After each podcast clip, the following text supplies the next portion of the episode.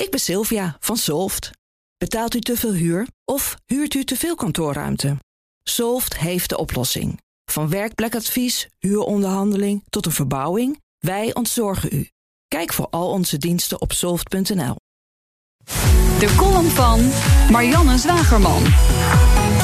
De grootste bedreiging van de journalistiek is de journalist die de voorlichter gelooft. En daar zijn er steeds meer van. Persberichten over tikkers overspoelde redacties.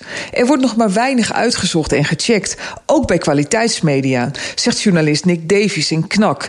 Davies was onderzoeksjournalist voor The Guardian en schreef tien jaar geleden het boek Flat Earth News, waarin hij de huidige staat van de media voorspelde.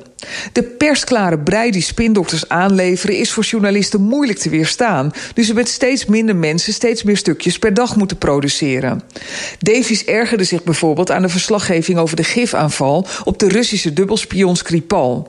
Geen enkele redactie deed onderzoek en trok de officiële verklaring dat Poetin de opdrachtgever was in twijfel. We hebben niets geleerd van de oorlog in Irak, waar we ingerommeld werden door politici die logen over het bestaan van massavernietigingswapens. Duizenden journalisten schreven de leugens braaf op en kwamen daarmee weg. Alleen de paar criticasters die het achteraf gezien dus bij het rechte eind hadden, werden weggehoond en uitgekotst. Het zelfreinigende en corrigerende vermogen van de journalistiek blijkt laag. Tel daarbij op dat het businessmodel onder druk staat en er is voldoende reden voor zorg. Onderzoeksjournalistiek moet het steeds meer hebben van alternatieve vormen van financiering, sinds het geld van adverteerders naar Google en Facebook verdween. Geefgeld wordt het genoemd in een rapport over onderzoeksjournalistiek in Nederland in opdracht van het ministerie van Media. Er duiken steeds meer stichtingen, goede doelen zoals de Postcode Loterij en rijke families op die onderzoeksjournalistiek financieren, maar dan wel over thema's die in hun straatje passen. De omstreden Hongaars-Amerikaanse miljardair Soros is bijvoorbeeld berucht om het stempel dat hij op de publieke opinie probeert te drukken door het smijten met miljoenen naar media. In Nederland doet hij dat onder meer via de Stichting Democratie en Media, die ook zonder geld van Soros discutabele en eenzijdige journalistieke projecten financiert. Propaganda vermomd als onafhankelijke media.